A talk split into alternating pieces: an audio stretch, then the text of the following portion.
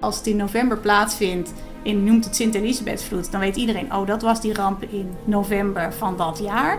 Uh, maar tegelijkertijd is het ook een, een, manier om de ramp te herdenken en te, te weten, oké, um, die heilige kan ik aanroepen als misschien nog wel een keer zoiets gebeurt. De Dag van Toen podcast. Geschiedenis uit Zuid-Holland. Met Dave Datema. Welkom bij de zesde aflevering van de Dag van Toen podcast. Een geschiedenispodcast over de historie van Zuid-Holland met interviews, terugblikken en achtergronden. Over twee weken is het 600 jaar geleden dat de Sint-Elisabethsvloed plaatsvond. De dijken braken door bij Dordrecht en duizenden mensen kwamen om het leven. En dat niet alleen, ook de kaart van het zuidelijk deel van Holland veranderde ingrijpend. Wat we nu kennen als de Biesbos ontstond in die periode. In Dordrecht wordt uitgebreid teruggeblikt op de vloed. Die was vernoemd naar de heilige Sint Elisabeth. Maar wie was zij eigenlijk? En hoe komt het dat een vreselijke ramp naar haar werd vernoemd? In het Dordrechts Museum draait op dit moment de expositie Elisabeth en de Vloed. Conservator Marianne Eekhout legt uit wie Sint Elisabeth eigenlijk was. Sint Elisabeth, daar heb je er eigenlijk een paar van. Je hebt ook nog de moeder van Johannes de Doper. Dat is zij niet. Zij is genoemd naar uh, Sint Elisabeth van Turingen. Zij was een Hongaarse koningsdochter die uh, bekend stond om haar liefdadigheid. En zij was uitgehuwelijkt aan um, Lodewijk van Turingen. Vandaar ook dat we haar Elisabeth van Turingen noemen. En um, zij was een, uh, een vrouw die maar 24 jaar oud is geworden. Maar die wel in haar leven zoveel goede werken eigenlijk had verricht. Dat ze al bijna direct heilig werd verklaard. En heel veel ziekenhuizen bijvoorbeeld zijn naar haar genoemd. Omdat zij zich inzette voor de, de armen, de zwakken, de minder bedeelden, de, de, de wezen. Uh, alle, eigenlijk alle groepen die haar hulp nodig hadden, daar um, bedacht zij iets voor of die hielp zij. En dat was bijzonder omdat zij een koningsdochter was. En dat was niet iets wat koningsdochters in die periode zomaar deden. Hoe is dat tot stand gekomen? Elisabeth van Turingen was al op jonge leeftijd uitgehuwelijkt aan Lodewijk en verhuisde naar, haar, naar het paleis van haar toekomstige man. En eigenlijk had zij in haar karakter uh, had zij een, um, uh, de noodzaak om iets voor andere mensen te betekenen. Dat deed ze al vanaf kleins af aan. Maar uh, toen ze eenmaal getrouwd was, deed ze dat ook door bijvoorbeeld graan aan de armen te geven tijdens hongersnoden. En um, door mensen eigenlijk zelf te gaan verplegen, wat eigenlijk nat dan was voor het feit dat ze een koningsdochter was. Dus ze had in haar karakter had ze bepaalde trekken die uh, eigenlijk heel bijzonder waren voor die tijd. En daarbij werd ze gevoed ook door een andere heilige, namelijk Sint Franciscus. Die komt ook uit de periode, de 13e eeuw hebben we het dan over. En ook hij stond bekend om zijn goede werken in de maatschappij. Hij was, ze was geen heilige die uh, zichzelf opsloot in een paleis en zichzelf alleen maar allerlei dingen ontzij, wat andere heiligen bijvoorbeeld wel hadden gedaan. Maar zij ging juist naar buiten om haar goede werken te verrichten. En dat was uh, ook in die tijd was dat al bijzonder. Kan je daar voorbeelden van geven? Nou ja, de, ze ging dus naar um, uh, naar de graanschuren om die open te zetten tijdens een hongersnood. Ze gaf um, uh, ze wordt ook afgebeeld altijd met een bedelaar. Ze staat bekend om het feit dat ze kleding gaf aan uh, bedelaars en dat ze die ook hielp om um, nou ja, wat uh, betere betrekkingen te krijgen, zeg maar. Dus ze was voor de zieken, ze ging dus verplegen, zelf deed ze dat. en daarnaast gaf ze ook nog eens opdracht aan haar dienstmaagden om haar te geeselen, want dat was in die tijd een, um, een belangrijk teken van heiligheid, dat je jezelf liet geeselen voor het geloof. En natuurlijk deed ze heel veel aan bidden. Om, uh, om te laten zien dat zij uh, godvruchtig was. Eigenlijk altijd is het zo dat de heilige, die is de heilige voor de zeemannen, die is de heilige voor kinderen. waar was zij dan de heilige van? Je kan haar de heilige van de minder bedeelden noemen.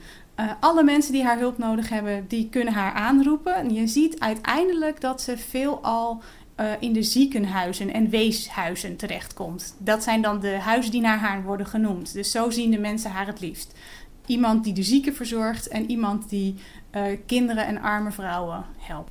Nu is een uh, heel godsvruchtbaar en dienstbaar leven over het algemeen nog niet genoeg om heilige te worden. Daar is ook een wonder eigenlijk voor nodig. Wat was haar wonder? Er zijn meerdere wonderen van haar bekend. Um, en een, een, bekende, de bekendste is denk ik het bierwonder. Ze ging tijdens uh, de hongersnood, uh, kwam ze dus aan met uh, brood bij de armen. En ze had ook een kan bier in haar hand. maar toen zij begon te schenken, raakte het bier niet op. Dus zij kon blijven schenken aan de armen. Dus dat, dat is eigenlijk haar bekendste wonder. Ze heeft ook nog een rozenwonder, waarbij um, bepaalde dingen in rozen veranderen. En er zijn ook nog wonderen bij haar bekend met brood zelf, dus dat het brood zich dan vermenigvuldigt. Uh, maar het bekendste wonder is het bierwonder. Uh, maar en dat is dus ook noodzakelijk, want als je heilig wil worden, dan moet je die wonderen zelf plegen. Maar eigenlijk na jouw dood moet daar ook nog wonderen gebeuren. Nu is hier in eh, het Dordrechts Museum op dit moment een uh, expositie gaande over de Elisabethsvloed. Want hè, tenslotte 600 jaar geleden. Wat kunnen we hier zien? Het is een kleine en intieme tentoonstelling. Het is, er hangen niet zo heel erg veel stukken, maar alle stukken spreken voor zich.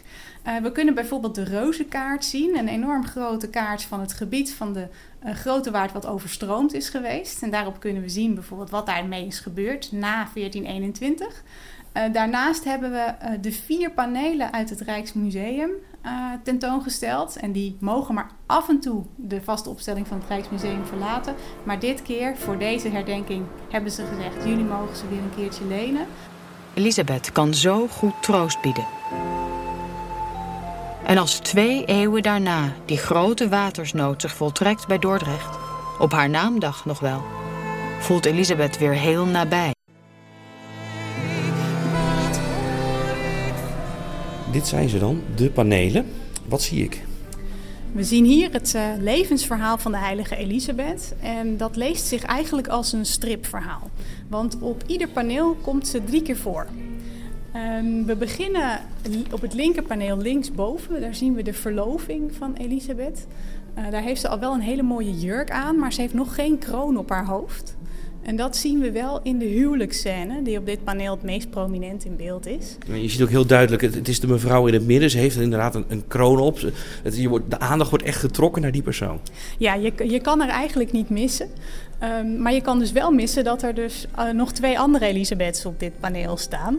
Want ze zit hier dan aan haar huwelijksmaal met uh, Lodewijk van Turingen aan haar zijde. En, uh, maar de volgende scène die er eigenlijk naast is gepland, die staan de, daar staat ze ook opnieuw. En daar zwaait ze haar man uit, want hij gaat op kruistocht. En helaas overlijdt hij tijdens die kruistocht. En is zij um, al in, als vroege twintiger is zij al weduwe. En dat heeft haar uiteindelijk die stap doen maken om zich volledig in te zetten voor de mensen in nood. Ja, want zij had al wel dus allerlei goede dingen gedaan. Maar op het moment dat zij dus weduwe wordt, zegt zij... nou, dan leg ik een gelofte af en dan ga ik het klooster in. Maar ze blijft ook in de maatschappij. Dus ze is niet intern in een klooster zoals je ook wel eens hoort... dat ze er niet meer uitkomt. Nee, zij richt zelfs met haar bruidschat richt zijn eigen ziekenhuis op. En daar gaat ze dus ook wonen en leven. En we zien op het volgende paneel, zien we haar dan ook als uh, kloosterzuster. Niet meer draagt ze haar mooie koningsmantel, maar we zien haar um, in, uh, in ja, Franciscaner gewaad. Want ze wordt uh, kloosterzuster bij de Franciscanen.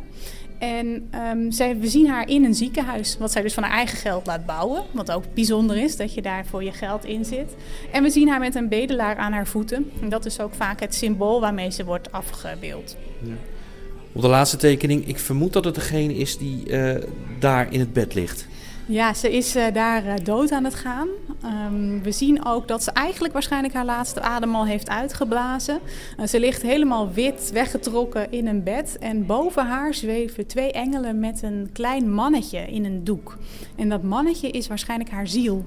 En haar ziel gaat naar de hemel nadat ze is overleden. En dan denk je misschien dat dat bijzonder is dat je een levensverhaal eindigt of eigenlijk prominent haar dood in beeld brengt. Maar voor een heilige is dat wel logisch, want je wordt pas heilig nadat je dood bent. Dus het is altijd een belangrijk onderdeel van het verhaal. Een interessant verhaal, een mooi verhaal. Maar waarom is zij gekoppeld aan een ramp hier in deze omgeving?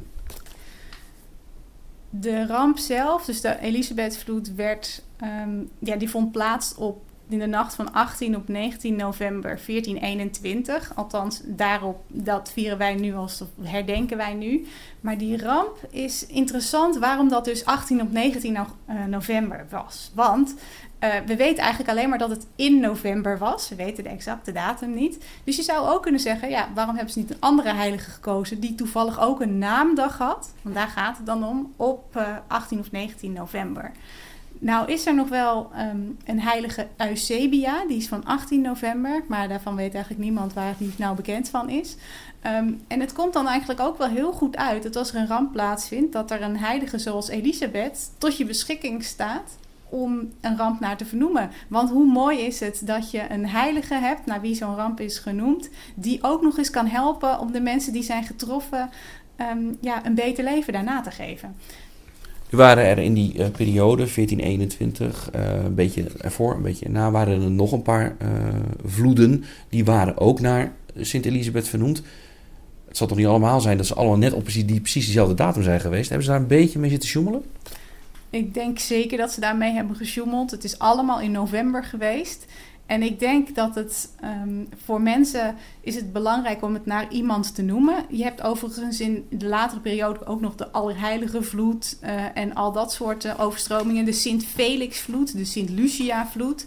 Uh, dus, dus eigenlijk is er altijd een heilige wel gekoppeld aan zo'n overstroming. Maar als het dan in november was, dan kozen ze gewoon Sint Elisabeth. Want die kon dus ook nog weer de noodlottigen helpen. En ik denk dat dat echt een belangrijk element is, ook van katholieke cultuur, om te zeggen dat het ook troost kan bieden. Het is een, herkennings, het is een herkenningsding, want je weet als het in november plaatsvindt in, noemt het Sint-Elisabethvloed, dan weet iedereen, oh, dat was die ramp in november van dat jaar.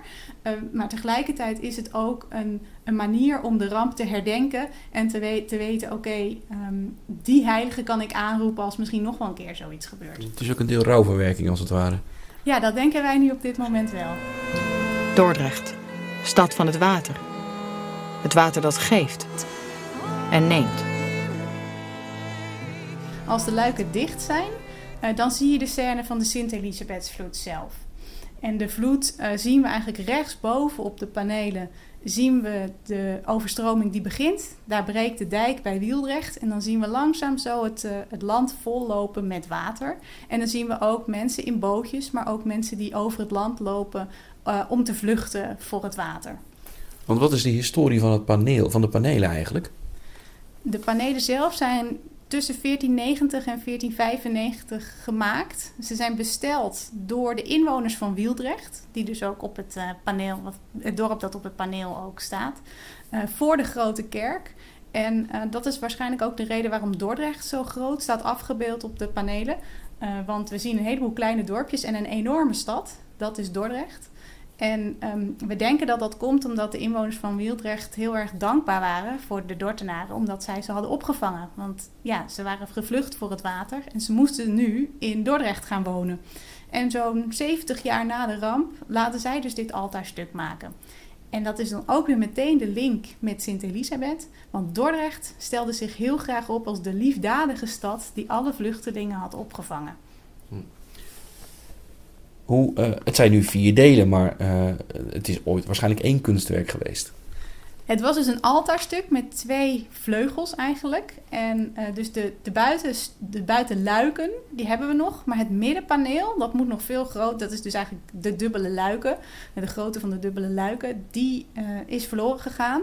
Want na 1572 moest het altaarstuk uit de grote kerk worden gehaald. Omdat Dordrecht protestants was geworden.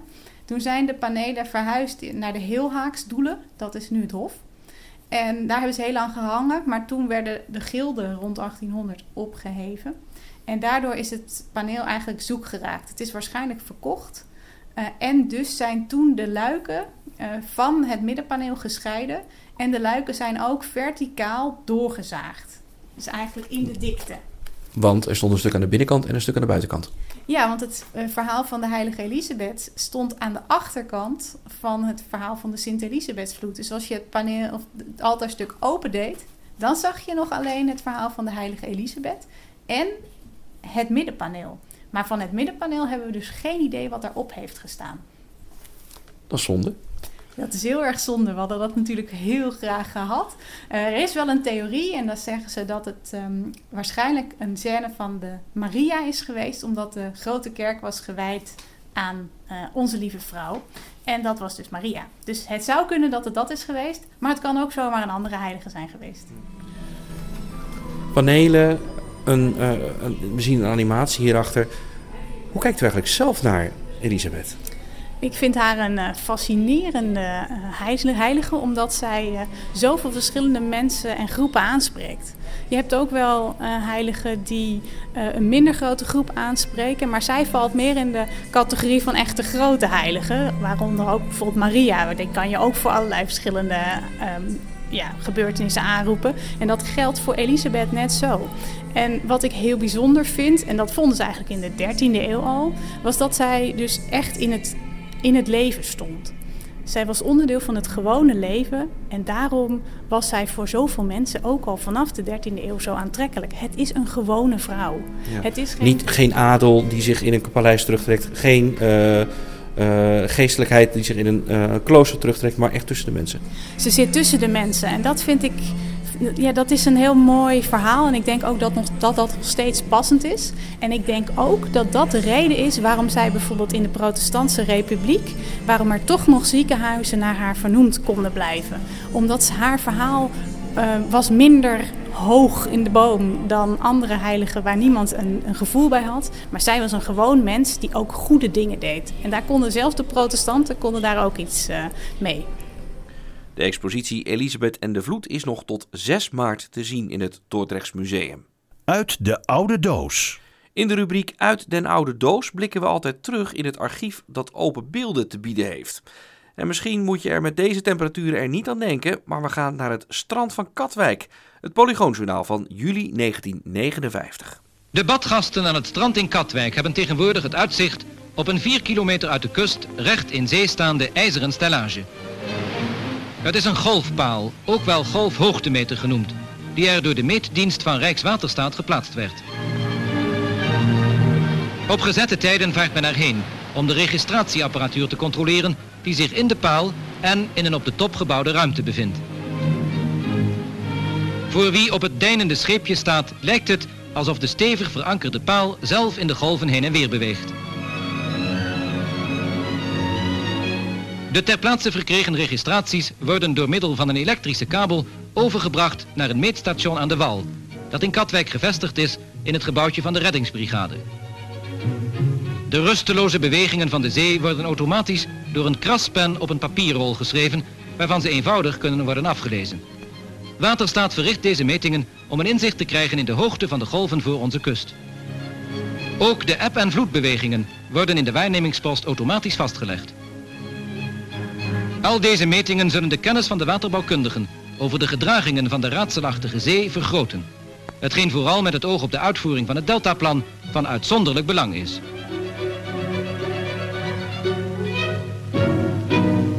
De beelden van Uit de Oude Doos zijn terug te zien op dagvantoen.nl. Geschiedenis uit jouw omgeving. Dit is de Dag van Toen podcast. We hadden het eerder deze uitzending al over de Elisabethsvloed, 600 jaar geleden. Maar volgend jaar is er weer een jubileum.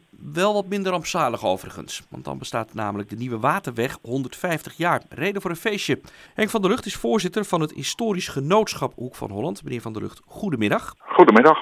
Uh, gaat het te ver om te zeggen zonder Nieuwe Waterweg geen Hoek van Holland? Nee, dat gaat zeker niet te ver. Want inderdaad, Hoek van Holland is ontstaan bij het graven van de Nieuwe Waterweg. Ja, er was wel min of meer een Hoek van Holland. Maar niet als een woonplaats zoals we die nu kennen, toch? Dat klopt, ja. Er was hier uh, eigenlijk een soort uitstulping in zuidwestelijke richting aan het land. En die was ontstaan door uh, verzanding van de, van de Maasmond. En die heette eigenlijk de Beer. Maar die stond ook bekend als de Hoek van Holland. Wat is de belangrijkste rol van, eigenlijk van de Nieuwe Waterweg geweest? Nou, de belangrijkste rol is dat uh, de haven van Rotterdam weer bereikbaar werd vanuit zee. Want die was door die eerder genoemde uh, verzandingen was die eigenlijk afgesloten. Schepen die moesten op een gegeven moment, die konden hier niet meer door die dichtgeslipte Maasmond heen. En die moesten gaan omvaren. En dat ging dan over het Haringvliet, Hollandsdiep, Dordtse Kil, Oude Maas. En ik zeg dat nu wel in een paar woorden, maar toen had je alleen maar zeilschepen die volledig afhankelijk waren van de wind. En dat uh, ritje dat kon dan wel eens uh, een aantal weken, uh, zelfs maanden duren. Dat is, dat is nogal wat vertraging. Ja, nou, dat kan je wel stellen, ja. Uiteindelijk wordt er dus een plan gemaakt om de haven Rotterdam bereikbaarder te maken. En komt de nieuwe waterweg in beeld. Wie zijn de hoofdpersonen eigenlijk in dit verhaal? Dat is de waterstaatingenieur Pieter Kaland is dat, is dat geweest. Het was op een gegeven moment, de situatie was dusdanig slecht geworden dat er moest een oplossing komen. En de toenmalige minister van Waterstaat die heeft een commissie ingesteld in 1857. En dat was de Raad voor de Waterstaat. En die ingenieur Pieter Kaland, dat was het jongste lid en tevens secretaris. Hij was toen 31 jaar. En die andere leden die waren allemaal stukken ouder dan hij. En het jonge broekie die had maar even een plan verzonnen. Daar komt het op neer. Ja, want die wist toch, ondanks het leeftijdsverschil, wist hij die andere leden ervan overtuigen dat toch de beste oplossing zou zijn om uh, door de Hoek van Holland een kanaal te graven. En dat zou dan aansluiten op het bestaande rivier het Scheur. En dat was de meest rechtstreekse, uh, meest rechtstreekse verbinding tussen Rotterdam en de zee. Is het zo makkelijk gezegd als gedaan? Nee, nee dat zeker niet. Want kijk, uh, die, die Raad van de Waterstaat die kwam het jaar erop in 1858 kwamen ze met hun advies. En vervolgens duurde het nog 4,5 jaar totdat koning Willem III de wet op de nieuwe waterweg van Rotterdam naar Zee kon ondertekenen. En die 4,5 jaar, dat had te maken met kabinetten die vielen. Dat had je dus toen ook al. En dan, dan moet de bouw nog beginnen en dan zitten we alweer ruim 10 jaar verder. Ja, ja de, de, de, dus de, de, de, die ondertekening van die wet. Die wet die ging overigens niet alleen over het doorgraven van, Hoek van, Holland, van de Hoek van Holland maar uh, over het verbeteren van de hele rivier, van zee tot aan Krimpen of Krimpen tot aan zee, uh, wat je wil. Mm -hmm. En uh, ja, to, toen is die wet die was van kracht en eind 1863 konden de eerste aanbestedingen worden gedaan. En ja, toen zijn ze eigenlijk begonnen in 1864, maar ze konden nog niet echt met het kanaal beginnen. Ze, ze hebben toen alleen voorbereidend werk gedaan. Ze hebben, zijn begonnen met pieren te bouwen in zee. En ze konden nog niet met het kanaal zelf beginnen, omdat uh, er moest grond onteigend worden. Uh, het aanleggen van de nieuwe waterweg, letterlijk de nieuwe waterweg, daar, daar kunnen natuurlijk nog wel problemen bij, bij ontstaan. gebeurde dat ook? Ja, want wat ze dus aangelegd hebben was eigenlijk een, een hele smalle, smalle gulden doorheen. En die was 4300 meter lang. Uh, ongeveer waar nu de huidige stormvloedkering lag, de, daar begon die tot, tot aan zee dan. En dat ding was, die, die geul was 10 meter bodembreedte bij 2 meter onder het laag water. En dan was het de bedoeling dat door de, de, de stroom dat dat verder uitgeschuurd zou worden en dan op voldoende breedte zou komen. Nou, die breedte is door het uitschuren is niet gehaald, dat, dat ging niet. Uh, de diepte uh, in die geul, dat, uh, dat ging wel de goede kant op. Het grote probleem was dat het zand wat er tussenuit gespoeld wordt, uitgeschuurd werd. Dat zette zich tussen de koppen van de pier, tussen de einden van de, van de beide pieren neer. En daar ontstond een nieuwe bank. En die heette de Westbank. En dat is vast niet de bedoeling voor het scheepvaartverkeer? Dat was, dat was niet de bedoeling. En ze moesten op een gegeven moment veel meer gaan baggeren dan ze uiteindelijk van plan waren. Heeft, en met ja. als gevolg behoorlijke kostenoverschrijdingen op een gegeven moment. Ja, uh, nou zijn kostenoverschrijdingen bij grote projecten natuurlijk niet nieuw. Uh, nee. Het zal ook niet de eerste geweest zijn wat dat betreft. Nee. Maar het zal ook behoorlijk wat vertraging opgeleverd hebben, of niet? Uh, nou ja, kijk, het, het, het, die uitschuring, dat duurde natuurlijk een aantal jaren voordat dat smalle geultje van 10 meter breed, voordat het toch wat breder was. Want dat ze er uiteindelijk een schip doorheen dorsten te, va laten varen. En dat was op 9 maart 1872. En toen voer het eerste schip dat voer door die doorgraving heen naar zee toe. Hoe ontwikkelde Hoek van Holland zich eigenlijk daar uh, direct na 1872? Nou, de eerste permanente bebouwing in Hoek van Holland, dat was het uh, directieverblijf van, uh, van Rijkswaterstaat. En tegenwoordig als ze een directiekeet neerzetten, dan is dat zo'n houten standaardgebouw, wat ze ook weer makkelijk kunnen afbreken en ergens anders op, opbouwen. Nou, dat was een echt een stenen gebouw. En dat stond hier midden in dat uh, ja, onbewoonde, onbewoonde duingebied. En in, vanuit dat, uh, in dat gebouw hield uh, Kalland, want dat was al, al die jaren de eerste aanwezend ingenieur, zal die ja, de werkzaamheden geleid hebben. Helaas is dat gebouw is tijdens de Tweede Wereldoorlog door de Duitsers afgebroken. Maar dat was echt de eerste permanente bebouwing in Hoek van Holland. Nou, daaromheen, daar ontstond een, ja, een soort buurtschap.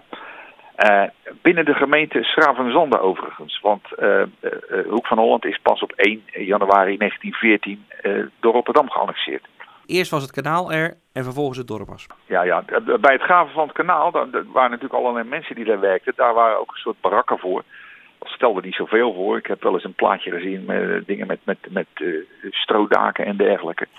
Ja, maar er kwam toch uh, een paar jaar nadat, uh, even kijken, 1875, toen is hier bijvoorbeeld ook een hotel neergezet. En toen noemden ze dat een logement. En dat was Hotel Hoek van Holland. Overigens ook tijdens de Tweede Wereldoorlog afgebroken. Ja, en er kwamen natuurlijk wat huizen waar ook vaste werknemers van Rijkswaterstaat in, in kwamen te wonen. En eigenlijk al heel snel, 1873, toen zijn er, is er een rij huizen neergezet aan de Waterweg. En die staan er nog steeds. Dat zijn die witte huizen. En die waren speciaal voor loodsen. Want ja, het, uh, het loodswezen dat werkte in die tijd uh, vanuit uh, Hellevoetsluis. Maar ja, dat Hoek van Holland was natuurlijk een beetje uit de richting. En er moest toch onderkomen voor die, voor die, voor die loodsen. En het bijzondere is dat die rij huizen, die is tijdens de Tweede Wereldoorlog niet afgebroken. En ja, wat er nog meer is blijven staan, is inmiddels ook verdwenen. Dus, dus dat zijn echt de oudste huizen van Hoek van Holland uh, nadat het een dorp geworden is. En dat is dus volgend jaar 150 jaar geleden. Uh, daar wordt dus uitgebreid bij stilgestaan. Uh, ja. Hoe gaan jullie dat in Hoek van Holland vieren? Nou, we zijn bezig met een, met, met een programma. We hebben een aantal dingen die staan, die staan gepland. Eén ehm, ding is dat we in ieder geval willen stilstaan bij de, bij de, op de dag zelf, hè, een soort startmoment. Dan is er ook de bedoeling dat er een, eh, een buitententoonstelling komt aan de Koningin Emma Boulevard. En dat uh, moeten dan hele grote foto's worden met onderschriften. En uh, ja, er is, en, en die worden, dus in het kader is dat ook van het project Reuzenarbeid.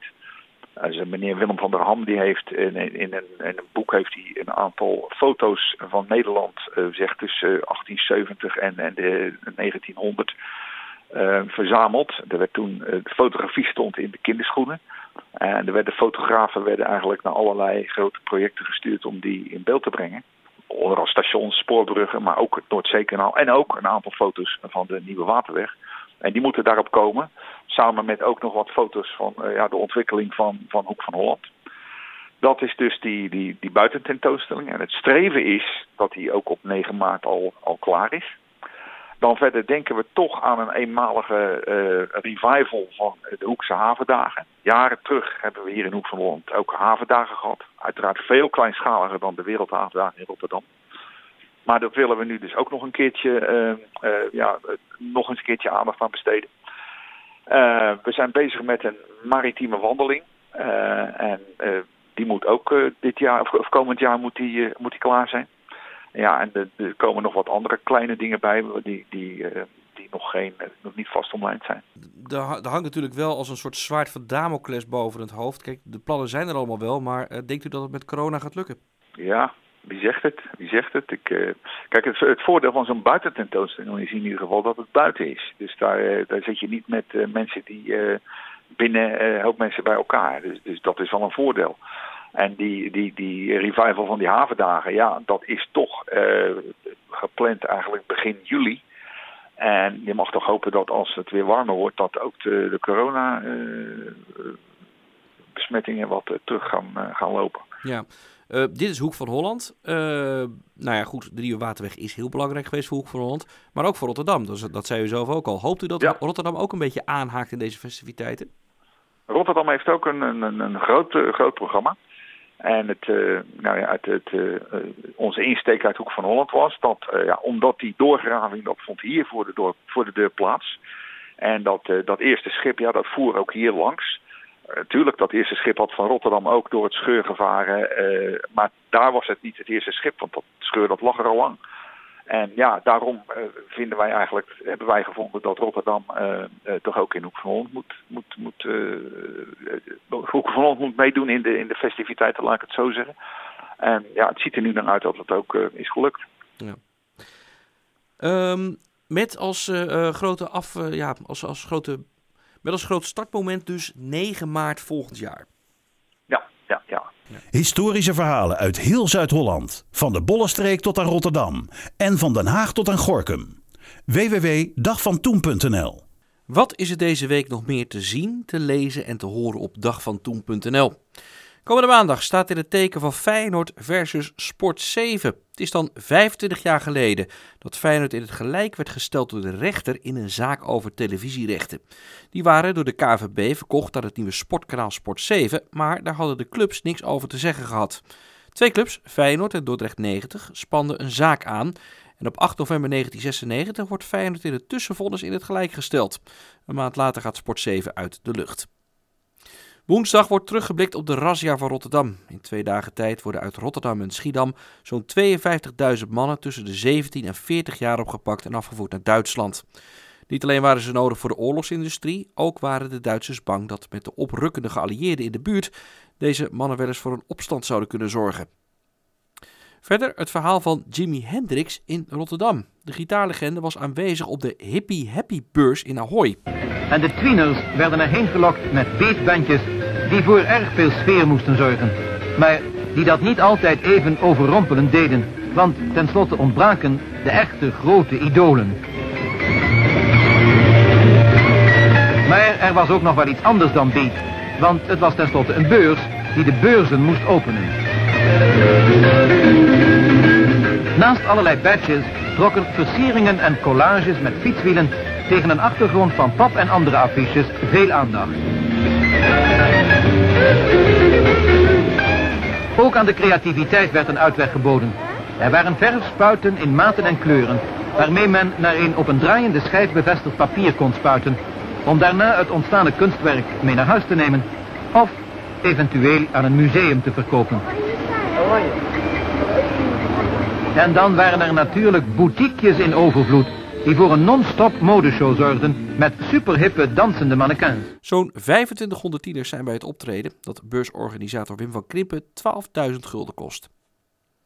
11 november is ook de dag van het einde van de Eerste Wereldoorlog. En ook al heeft ons land niet meegedaan met de oorlog, de vreugde is hier groot. Dat is niet zo gek, want er zitten tal van Belgische, Engelse, Franse en Duitse vluchtelingen in Nederland. Ook zorgde de oorlog voor schaarste, maar het einde van de oorlog legt ook spanningen bloot. Communist Pieter Jelle Stroelstra roept op de Rode Dinsdag op tot een revolutie in Rotterdam. Maar ons land is niet klaar voor zo'n revolutie. Minder lang geleden, in 71, is er een run op bronwater in Rotterdam. Zoals al vaker is het drinkwater enorm zout geworden door de aanwezigheid van zout zeewater bij de inlaatpunten. Een zuivelbedrijf laat een schip met Noors bronwater naar Rotterdam komen. En de vraag is zo groot dat de pakken van een liter voor 56 cent worden verkocht. Een bizar hoog bedrag voor die tijd. Als andere bedrijven ook water gaan importeren, ontstaat er een prijzenoorlog en dan stabiliseren de prijzen zich. Die terugblikken en meer op dagvantoen.nl.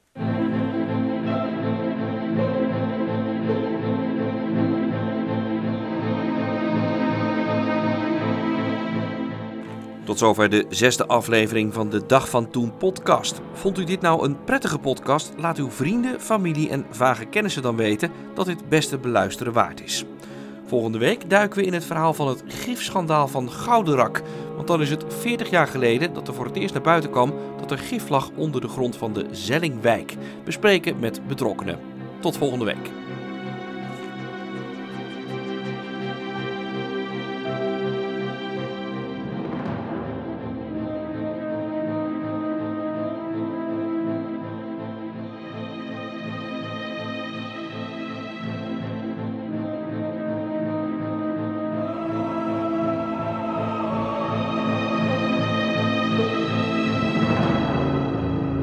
Van Toen podcast.